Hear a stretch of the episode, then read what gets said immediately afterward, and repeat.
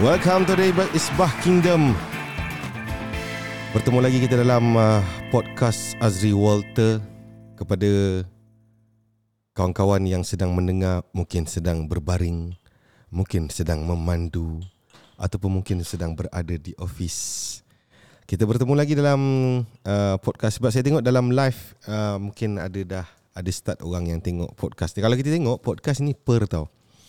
Kita tak tahulah kita kita kita spend time kita untuk berkongsi apa ni kita punya mindset. Tapi seperti uh, kami selalu cakap benda ni adalah kami punya eh kami eh. Kita dah jadi ni lah rancangan ha, apa tetap. Saya dan Miss, Mrs. Walter. Macam kami cakap ini adalah kami punya buah fikiran. Tak semestinya semua akan ikut kan?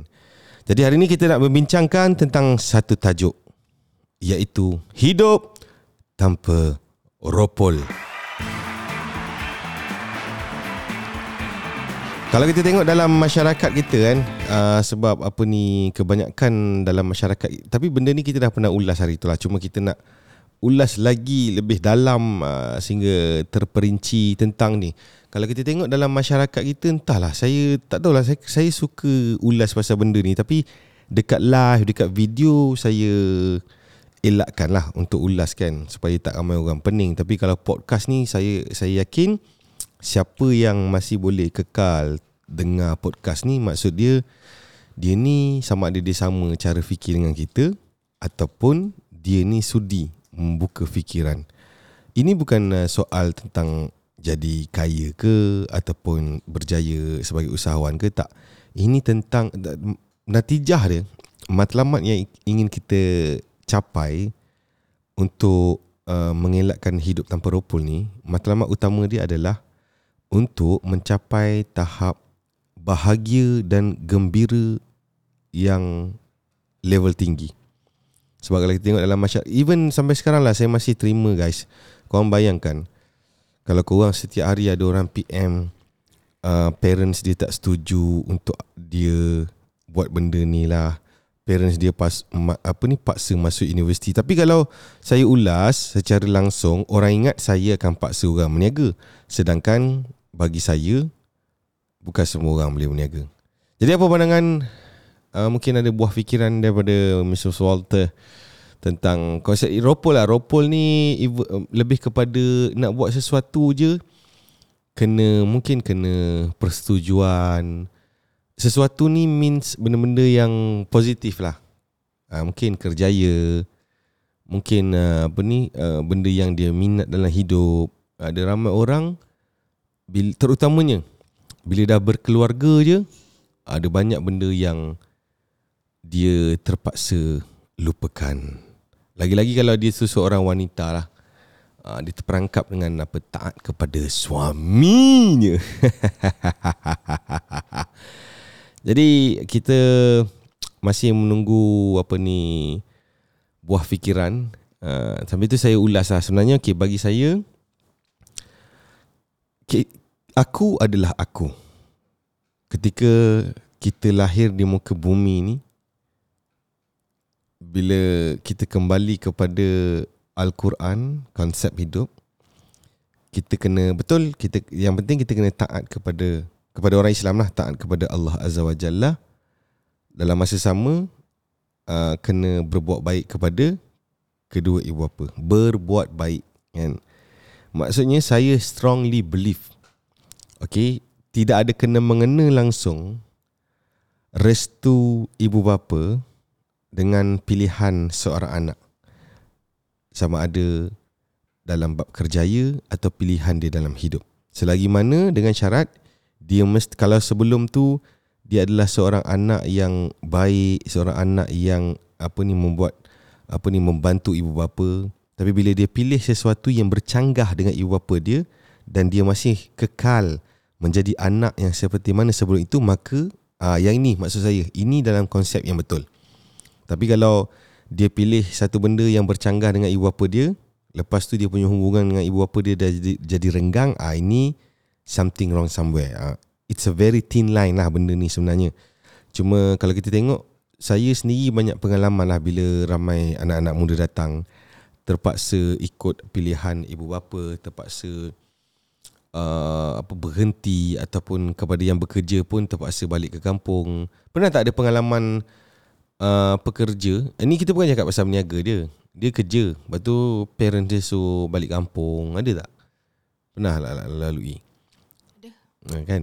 Banyak. Uh, suruh balik kampung. Kenapa ah macam masyarakat kita ni kat mak bapak dia okay, m- kita pun ibu bapa juga kan? Tapi uh, kita pun ada ibu bapa.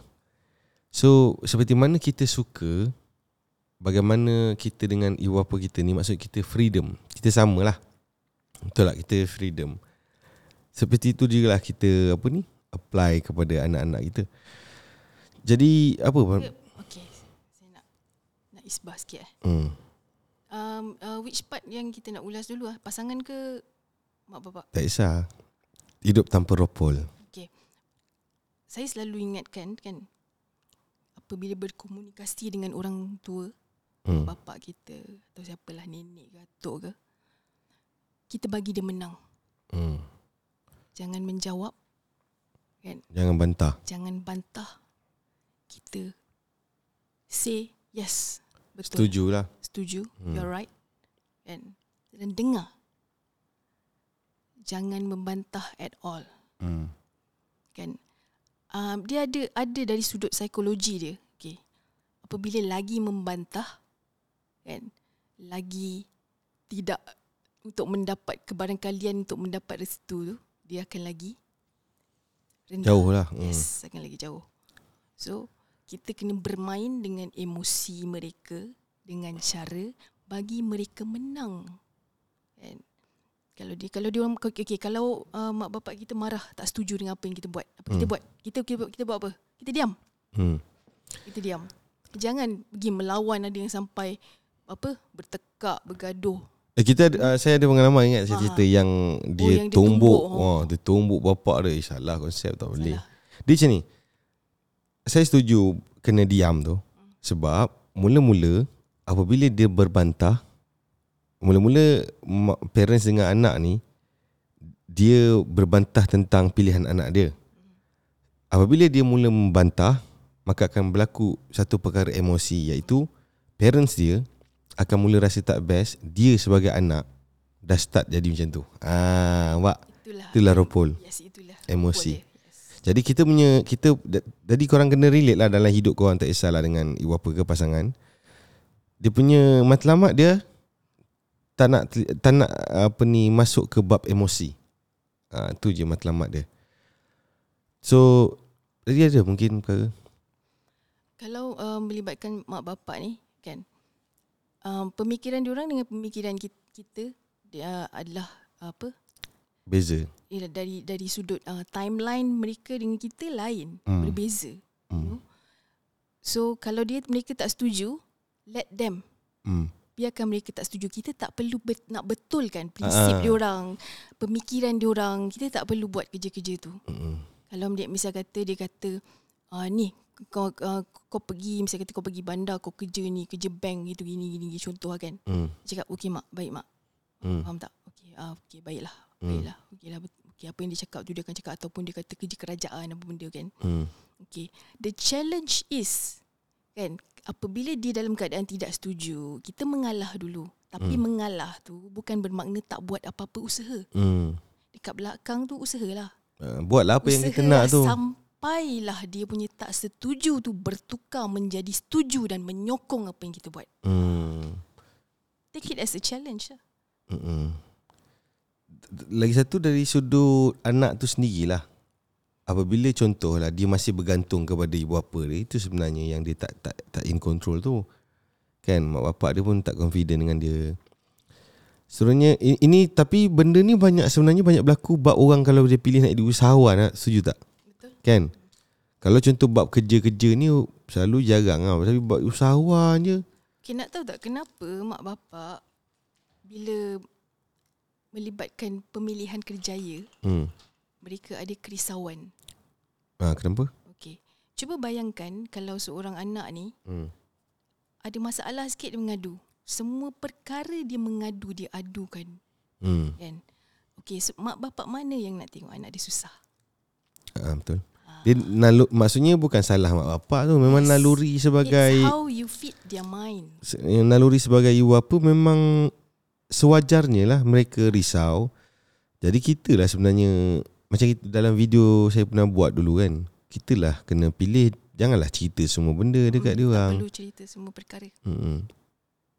Macam okey dengan pasangan pula macam mana? Oh, dengan pasangan ni, okay, first of all, okay, mak bapak kita tak boleh pilih. Betul tak? Ha. Betul tak? Okay, mak bapak kita tak boleh pilih. Tapi pasangan kita boleh pilih. First of all, dari awal lagi kan, carilah pasangan yang sekufu. Hmm. Bila benda dah tak sekufu, akan banyak ropol dalam hidup. Ya. Ah. Sebenarnya back ber- berbalik kepada yang asas berbeza. dia lah. Yes. Sukufu ni sebenarnya dia punya pemahaman dia luas. Dia bukan pasal tapi paling mustahak bagi saya lah. Sebab kita pun tengok sekeliling kita uh, macam-macam perkara. Sekufu yang paling mustahak adalah dalam bab cara fikir. Oh kalau cara berfikir berbeza memang pening. Memang okey bila dia punya kita panggil frekuensi tak sama kan, mungkin pernah sama Habis along the way tu kan ha, Jadi mungkin sama ada sat, sat, seorang ni Cuba selarikan frekuensi Mhm. Ataupun Dia berpegang teguh dengan dia punya frekuensi tu Maka dia kena buat decision lah Kan hidup ni Pilihan lah Asal saya macam Lapar?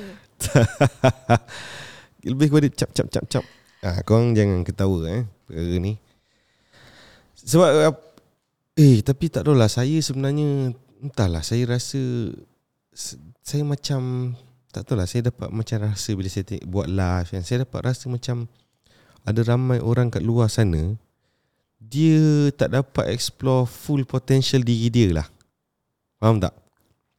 Dia tak dapat explore full potential Tu yang ada orang komen tadi siang tu eh. Apa nama apa komen dia? ah, Dia merenggut roh Pasangan merenggut roh. Ah, pasangan merenggut roh. Hmm. Macam mana nak buat?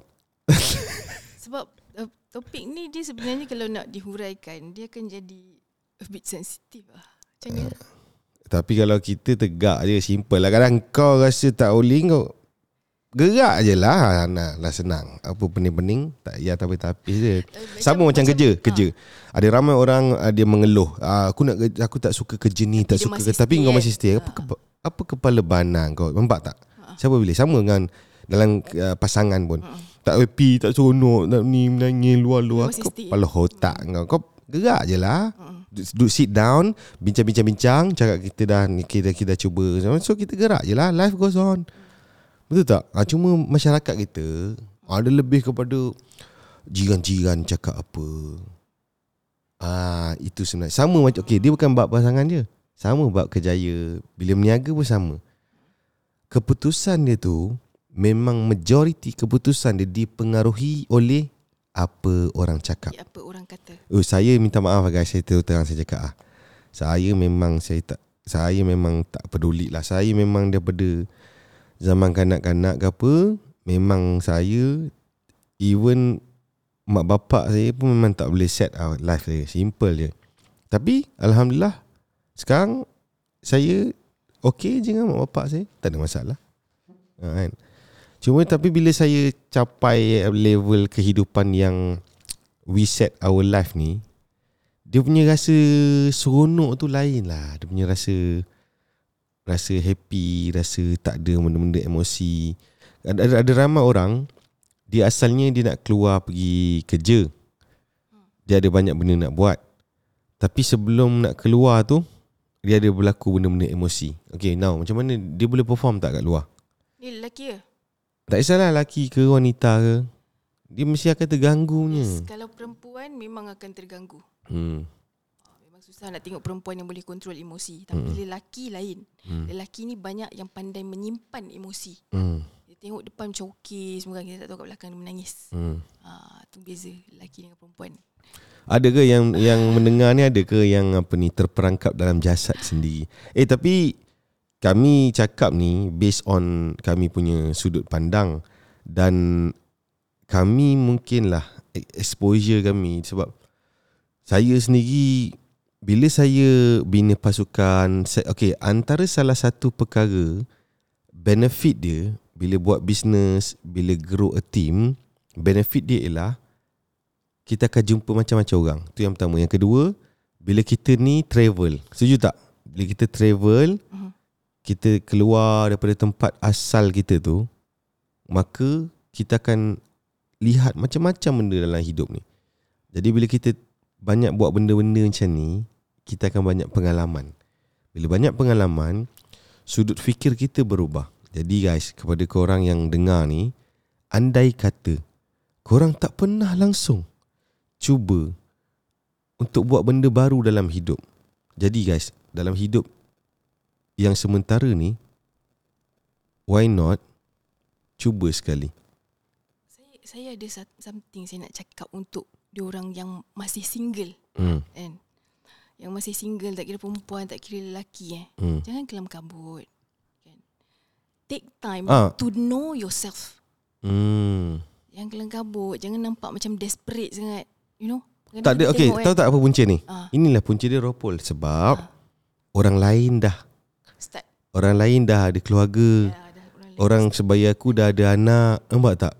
Di, siapa yang tidak hidup atas apa yang dia nak, maka dia akan cenderung untuk terlibat dalam banyak benda ropol macam ni. Dia punca dia simple je. Dia mudah terpengaruh dengan apa kata orang di sekeliling dia. Kan? Taklah sebab kalau orang tak orang sekeliling tu apa dia boleh buat dengan kita? Dia boleh cakap je betul tak? Dia boleh masuk dalam badan kita ke? Dia macam ni kalau kalau yang uh, non usahawan nak- saya tak sure. Tapi kalau se- sebagai seorang usahawan kita kena ada kemampuan untuk block benda yang lalu di telinga. Hmm. Tak payah masukkan benda-benda yang tak penting. Untuk hidup tanpa ropol. Okey, orang cakap apa, biar dia lalu je kat telinga tu. Tak payah masuk, Hmm. kan? Ha, kita kena ada mindset, kita, kita kena ada kemahiran tu. Hmm. Kemahiran untuk block benda-benda yang unnecessary. Betul tak? Antara cara dia ialah dia kena busy sebenarnya. Dia kena sibuk. Sibuk uh, working on something.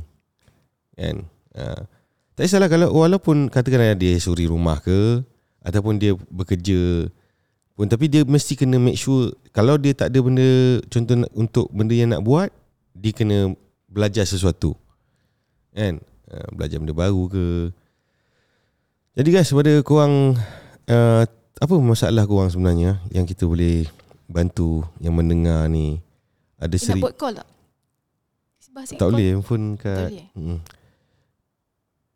Jadi itu, itu saja Kita dah 18 minit Podcast kita Tapi kalau kita tengok Akhirnya kita punya Apa ni Kalau bab self development mindset ni Ia berkisar Pusing-pusing-pusing pun benda konsep Always In control lah Diri kita Mesti itu punya Rules number one Kalau kita tengok semua orang berjaya Dalam dunia ni Dia mesti ada Satu prinsip yang in control ni Tapi bagi orang yang Selalu please other people Bagi dia orang macam ni Sombong ha, Tetapi Sebenarnya orang macam ni adalah orang yang always Mengutamakan Dia always diri dia dulu ha. Saya nak tambah tadi. hmm. Sila sila Saya nak tambah tadi. Okey, dah. Um, pasal um, apabila okey uh, ramai ramai orang dia terperangkap dengan um, circle yang suka bertanya, suka jaga tepi kain orang, suka tanya benda-benda unnecessary, suka Hmm. cakap yang bukan-bukan, betul tak? ha, ha. Okay, first of all, before you complain Hmm. about your circle, you ask yourself, adakah you sendiri Jenis macam tu jenis sebegitu? ha. Nak terfikir tak? Okay. Dia kata orang tu sibuk tanya dia dah kahwin ke belum. Dia ah, tanya ni, tanya apa apa ni. Tanya apa lagi? Tanya benda-benda yang unnecessary lah. hmm. Tapi dia tak sedar sebenarnya dia pu- punya karakter yang sama. Hmm. Tapi Faham kalau ah betul betul. Tapi selalunya Contoh macam, Hmm. okay contoh eh. Suka bertanya benda-benda yang unnecessary. Hmm. Even in your life, Hmm. Ada tak komen-komen yang absurd? Hmm. Absurd ni maksudnya yang Tuan Azri, menjengkelkan. uh, Tuan Azri dah kahwin ke? Baik lelaki, baik perempuan. Tak, apa, apa salah? Uh, saya tak tahulah. Saya sendiri, kalau saya contohlah, tiba-tiba saya ter, ter, lalu, saya scroll media sosial saya, lepas tu saya nampak orang, uh, lelaki atau wanita, saya tak ada langsung terlintas untuk memikirkan tentang dia tu dah kahwin ke belum. Tak ada. Tak tak ada langsung la- in, dalam mind saya tu tak ada langsung lalu benda-benda yang tentang kehidupan peribadi orang tu. Kan? Betul, kalau betul. nampak eh, betul tak kalau kita nampak orang buat live ke, nampak orang uh, buat konten ke, tak ada langsung pernah terlintas. Kenapa benda ni dalam masyarakat kita ni tapi kalau orang luar daripada negara kita, masyarakat, luar daripada masyarakat kita macam ni ke? I'm kalau- not sure tapi I don't think so.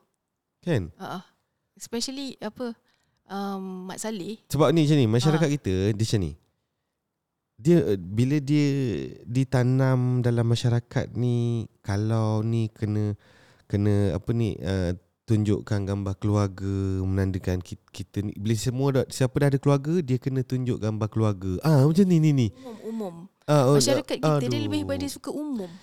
Tapi tu Announcing. Betul tak? Betul Dia sebenarnya Okay Untuk maklumat semua Dia bukan sebenarnya Korang kena faham Dia bukan sebab media sosial Bukan Sebab Masyarakat kita memang asalnya Memang itulah sifat mereka Bila muncul media sosial Maka sifat yang sama Diterjemahkan ke media sosial Inilah yang dinamakan soalan kenduri. ah, tak? ah, ah, ah. Betul tak? Ah, Inilah ni, ni. soalan-soalan kenduri. Ropol-ropol kenduri, ah, ah. Yes. Pergi kenduri inilah benda-benda yang Tapi tu- terang lah sebab tu Entah, entahlah Saya yakin lah Saya insyaAllah Na'udzubillah saya bukan sombong Bukan bongkak Tetapi Lepas saya tinggalkan Amalan masyarakat kita Yang mana tak manfaat dalam hidup Alhamdulillah. Saya capai tahap ni.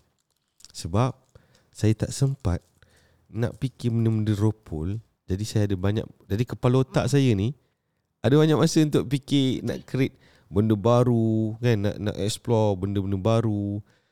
Tapi sebab bila ramai orang otak dia ni dia penuhi dengan benda-benda yang ropol-ropol ni ah jadi itulah punca dia. Even kalau dia meniaga tapi dia masih ada pemikiran ropol ni dia akan takut nak tutup bisnes dia kalau bisnes dia tak okey dia tak, takut tutup sebab ni Sebab dia peduli apa orang akan kata. Ya. Ha. Ini masalah utama manusia lah. Siapa dapat kontrol benda ni, mempedulikan apa orang kata ni, siapa dapat kontrol benda ni, dia saya win ada, lah. saya ada tips. Even I told you to do the same. Hmm. Okay. Apabila saya dapat soalan-soalan kenduri ni, Hmm. Bila saya rasa terlalu apa cakap annoying, Hmm. saya tak jawab. Saya Hmm. akan balas dengan ignorance. Hmm. Maksudnya saya buat-buat tak nampak ataupun saya buat-buat tak dengar ataupun kan kalau kalau kalau komunikasi tu dalam bentuk WhatsApp ataupun dalam bentuk apa uh, PM ke kan saya akan matikan perbualan tu kat situ. Hmm. Orang mungkin akan nampak macam sombong but I don't care what people say, Hmm. you know. Um I choose what question I want to answer. Hmm. So Ah ni. kalau saya tak nak jawab soalan tu, So what? so what? Ya. Ah ni macam ni. Bab menjawab soalan ni. Ha. Dalam masyarakat kita dia tak tahulah dia automatik siapa tanya soalan semua dia rasa adalah menjadi satu tanggungjawab dia untuk jawab semua soalan manusia lain. Betul. Ah, daripada mana datang konsep ni ya? Orang tak kisahlah orang tanya kau pasal peribadi ke, orang tanya pasal apa ni bisnes ke, orang tanya pasal hidup ke. Kenapa bila orang tanya, kenapa kita wajib jawab? Sama macam call. Kenapa kalau orang call, kita wajib kena angkat? Kenapa kalau orang WhatsApp, kita wajib kena reply? Sedangkan, apa kita buat ialah, kita kena pilih siapa yang kita nak angkat, siapa kita nak reply. Sebenarnya, barulah kita buat decision dalam hidup kita ni. Barulah kita in control. Uh-uh. In control ni, tujuan dia supaya, dia, matlamat dia adalah happiness. Uh, untuk dia menentukan hidup dia. Tapi benda benda-benda yang in control ni kan Hmm. Eh, saya rasa tak semua orang macam macam kita, you know. Betul. ada 1%. Mm-mm. You know, the, the, oh, saya, saya just nak share something eh. Um, uh, waktu saya single eh, kan, saya tak perkara-perkara yang saya lalui dalam dalam bisnes kan? Jatuh jatuh bangun gadai kereta kena dengan LHDN kan? Lepas tu GST semua kan? Semua masalah tu saya tak cerita dekat mak bapak saya. Mm. saya settlekan sendiri. Walaupun seorang wanita. yes. Sebab untuk apa saya nak bagi diorang pening? Mm. once diorang pening diorang akan ada tanggapan dan dia uh, tanggapan yang saya tak boleh Mm. So saya tak nak rosakkan dia punya tanggapan. At all time, orang mesti fikir that I'm good. Mm. You know? Mm-mm. And then saya punya level of saya boleh yakinkan orang sampai boleh saya boleh uh, travel solo seorang. Mm. And saya dah sampai satu negara tu, baru saya SMS bapak saya, abah dah sampai Lombok contoh. Mm. Saya boleh buat macam tu. Sebab diorang sangat yakin dan percaya I can take care of myself very well. Mm. Uh-uh. Kadang kadang itulah- hal-hal kecil-kecil pun sikit-sikit. Telefon uh, mak bapak yang tak ada duit telefon mak bapak you know. Anak demam. ah tak, benda-benda yang I, Untuk simple-simple. Mm-mm, eh, susah mm, lah nak cakap betul. ish. Anak sesama bagi tahu. Betul tak? Eh itulah. Um, benda ni sebenarnya telah berkurun ada dalam pemikiran masyarakat kita kan? Tapi so ni something to ponder lah. Untuk kita korang yang mendengar podcast ni cuba renung kembali. Korang tengok live korang. Adakah korang in control life korang? Ataupun korang being control? Sistem tu dah satu hal lah. Kan? Contoh sistem luar tu itu satu hal lah. Kita tak boleh kawal. Tapi yang diri kita ni kan contoh kat luar kat luar katakanlah kerajaan set uh, apa SOP macam ni macam ni macam ni. Tu luar ni kita punya kawalan. Tapi macam macam mana kita tak boleh kawal diri kita? Oh kan betul tak? Cuba okey. Um, saya nak bagi tips yang untuk untuk pasangan boleh tak? Kan? Alamak dah hilang ah. Boleh boleh. Boleh. Boleh. Okey. Um, untuk pasangan uh, um, yang selalu ada ada perasaan macam tak yakin, insecure kan. Okay, and then fif- selalu 50-50 kan. Why why don't each each other setiap pagi ataupun sebelum malam sebelum tidur. Tapi the best the best ialah waktu pagi lah. Bangun pagi pukul 4, 4.30 macam tu kan. Okay. You tell your partner, you tell your pasangan you are champion. No matter what, you are in control of your life. You decide whatever you want to decide for yourself, for the family. Ni untuk perempuan bagi tahu lelaki lah, hmm. you know. Dan untuk sebab ramai lelaki dekat luar sana sampai nak buat keputusan pun tak Hmm. tak ada apa dalam ketakutan buat keputusan Ketukatan. keputusan. Ah, ketukatan nak buat keputusan pun dalam ketakutan Hmm. Kan macam mana nak mengepalai kan mengepalai apa Tak okey kalau kalau salah so what? ah ya kalau salah Repair so lah. what? repair lah Kan? Ha. Ha. Macam tu yang penting okey. Dia okey dia bincang dengan suami dia, dia bincang eh, okey okey kita buat jalan. dia ketakutan melakukan kesilapan Ah. Okey ya betul tu lagi satu. Siapa yang terlalu takut untuk buat silap maka kemungkinan dia tak akan ada banyak progres dalam hidup. Terlalu takut buat silap. Sedangkan silap tu benda yang confirm akan berlaku. Confirm akan jadi silap. Silap ni in terms of benda-benda yang tak berdosa lah. Betul tak? Kalau buat dosa ni kita tak payah ulas lah semua orang tahu kan. Ni buat-buat pasal hidup ni lah. Okay, jadi kepada mungkin ada yang dengar-dengar ni dia dah ter- terlelap. Woi, bangun. Woi, bangun. ada boleh terlelap pula dengan podcast Bana ni. Faham tak kau? Kau orang faham tak ni? Ha. Sampai bila nak biarkan hidup macam tu? Sampai bila? Sampai bila nak dengar cakap orang? Sampai bila? Sampai tiupan sanggegala. Habis bila kau nak rasa betul-betul ni kau esok? apa ni apa ni hari Baga- akhirat nanti. Bagaimana bagaimana dengan lelaki yang dia hidup dia dikontrol oleh pasangan wanita dia. Apakah yang dia perlu lakukan? Gerak ah. Gerak je. Kalau contoh dia dalam pasangan dia, dia dia sudah tak boleh meng, apa dia hilang diri dia, dia kena gerak ah. Simple lah. Kau nak fikir-fikir pening lah. Tapi kalau tapi ini saya cakap buah fikiran lah. Tapi kalau kau rasa nak adab nanti apa semua kau adab lah. Simple je hidup ni simple. Kau rasa kau boleh adab, kau adab. Tapi di masa hadapan andai berlaku apa-apa engkau adab juga. Saya nak bagi lagi satu tips. Kenapa ramai perempuan dia suka kontrol pasangan lelaki dia? Hmm. Kerana dia menganggap suami itu adalah hak milik mutlak dia. Betul tak? Hmm.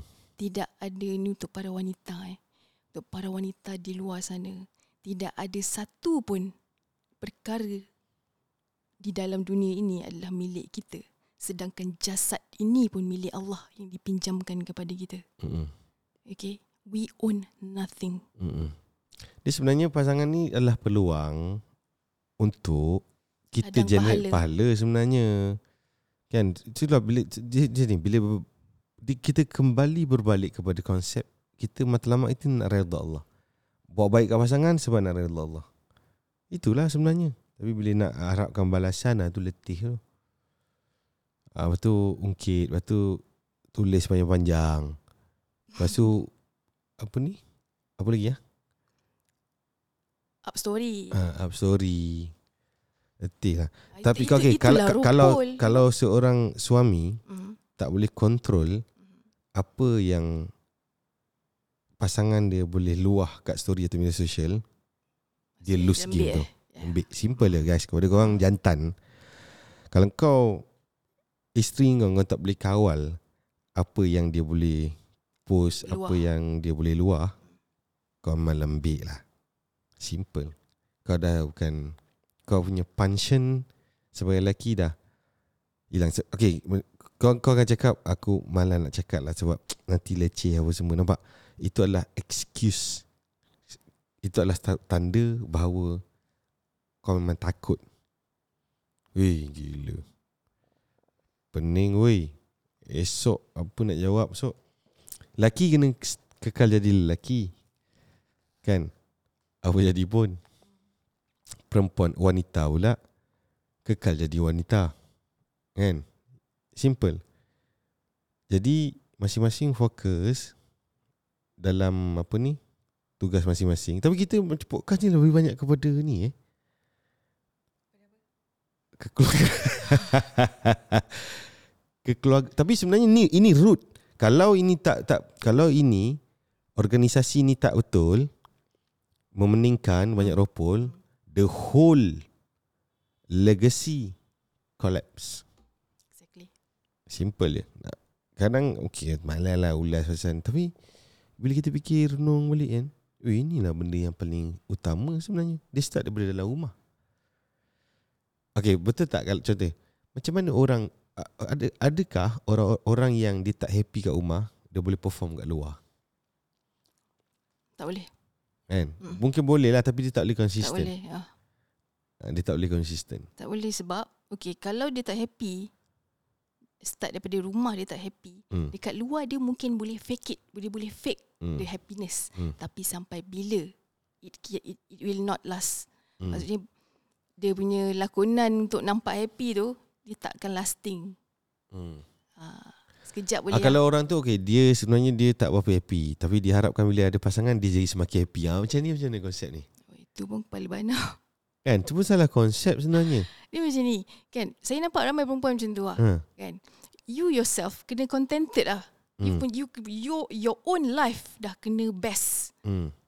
barulah you boleh dapat pasangan yang best Hmm. Hmm. dan kalau life kau pun boring kau pun membosankan Hmm. kau pun selalu sedih nangis apa benda jadah semua up emosi kau expect dapat pasangan yang boleh happykan kau Hmm. Tak tak okay. For, for the first place bagi saya lah tak kenapa banyak bersedih tentang duniawi ni ah. Itulah sebenarnya kan. Dunia ni tak layak disedihi lah. They need to explore the world like seriously. Kan? Terlalu banyak perkara yang Ha. best. Terlalu banyak perkara yang yang terlalu isbah lah. I mean, um, okay, sekarang kita dah boleh travel. Ni nasihat saya lah kan. Hmm. Go uh, apa apa orang cakap go uh, wandering uh, apa kita panggil apa eh wandering around eh apa apa wanderlust wanderlust apa, Apa nama tu Uh, Esther Pelanta. Maksudnya travel lah. Tengok tempat lain. Maybe bila you, when you are stuck at one place, you akan apa blank, tak tahu apa tak tahu nak buat apa, tak ada idea nak apa macam mana nak nak develop apa hidup yang lebih baik Hmm. kan for so jadikan travelling dan tengok tempat baru dan explore benda baru tu satu rutin Hmm. make it like setahun buat berapa, berapa kali kan go Hmm. Ah, terlalu banyak untuk di-explore kan dalam dunia ni. Yang kita tak sempat pun nak explore. Kan? Yang belum tentu cukup umur kita untuk explore segala, segala perkara dalam Tapi dunia sebenarnya kalau- kalau kau tengok uh, Yelah Bagi saya Ada orang, orang cakap uh, Kita biarlah Di dunia ni Yang penting ya, akhirat Tak Bagi saya Kita berhak Gembira bahagia Di dunia Dan di akhirat Betul tak? tak Betul, betul. Ini bukan Tak semestinya pasal kaya Tak kalau kau contoh Apa yang kau ada sekarang ni Dalam hidup yang sementara ni Kenapa kita tak tak boleh nak happy? Okay, lagi satu, saya selalu macam dengar macam perempuan yang cakap cukuplah apa adanya ataupun uh, tak kaya pun tak apa and then apa lagi duit tak penting kan. So itulah yang kurang akan dapat. Ah. Lagi-lagi apabila seorang usahawan berulang kali sebut benda tu, you are blocking your mind. Hmm. So apa yang korang dapat tu akan cukup-cukup makan je. Mm-mm. I always tell, I, I, I, I, I always bagi tahu myself Hmm. yang I deserve only the best Hmm. in everything. So saya selalu bagi tahu diri saya. So I don't accept anything mediocre. Mediocre ni maksudnya average. Hmm. Tak kira dari segi pemilihan beras, pilih kasut, apa pilih apa lagi? Minyak masak. Ah, Minyak masak, Bawang. pelanta, Hmm. whatever. I always told myself that I want the best, Hmm. nothing mediocre. Betul. So cuba ubah benda tu kan. Kita hidup sekali. So halang-halang kita hidup sekali ni kan, kita pilih semua the best lah. Hmm. Why not? Okay, Kenapa? Kenapa nak kena downgrade diri kita untuk pilih yang semua benda-benda yang mediocre, yang average? Memujuk hati. Untuk apa? Pujuk hati dia sebab dia tak boleh nak push diri dia untuk pergi. Lalu dia pujuk hati dia. Ah, ambil yang ni lah. Kan? Lagi satu, dalam masyarakat kita, kenapa tak macam mana orang tu dia nak sukses sedangkan dia benci dengan orang sukses. Dia Ah. benci dengan orang berjaya. Okay, saya ada lagi satu tips. Okay. Hmm. Tips ni kan, korang start buat. Start buat. Um, saya belajar benda ni, um, I think masa saya jatuh 2015, 2016 eh. Hmm. eh GST time that, that time lah. Mm-mm. 15 eh. Ke 14 tak ingat. Hmm. Okay. Saya belajar benda ni kan. Cara berdoa. Kalau kita nak kaya, kita doakan orang lain kaya tanpa pengetahuan dia. Hmm. Kalau kita nak happy, kita doakan orang lain happy tanpa pengetahuan dia. Hmm. Lagi satu, kalau nak dap, nak nak okay, nak kaya ni, nak aura berjaya dan kaya ni, first of all, kita tengok orang kaya dan berjaya, kita kena happy for them. Ah. Barulah benda it's like kita akan attract benda tu datang pada kita. Kalau kita tengok orang yang kaya dan berjaya kita benci, kita dengki, you will not attract the same thing to you. Betul. Sebab mana mungkin dia boleh jadi satu yang dia benci. Kalau kita tengok orang lain happy eh contoh kita tengok dia bahagia, kita rasa dengki kan. Hmm. Kita tak akan dapat the same happiness. So Mm-mm. what you should do bila tengok orang lain happy kan, kita rasa kita pun rasa happy for them. Dan doakan dia lagi bahagia. Ah, ah, You will get the same thing comes back to you. betul. Trust me, try buat benda ni. Betul guys. Tapi yang korang yang dengar ni, kalau korang bengang dengan zero water, oi, korang akan jauh lagi daripada zero water. Jadi, Lepas habis ni Doakanlah saya Tanpa saya tahu. Doakan kami Cik cik. Korang tegur macam tu oh, okay, okay Lepas ni Lepas bukan ni Aku nak terus doakan dia orang. Cik cik cik cik cik.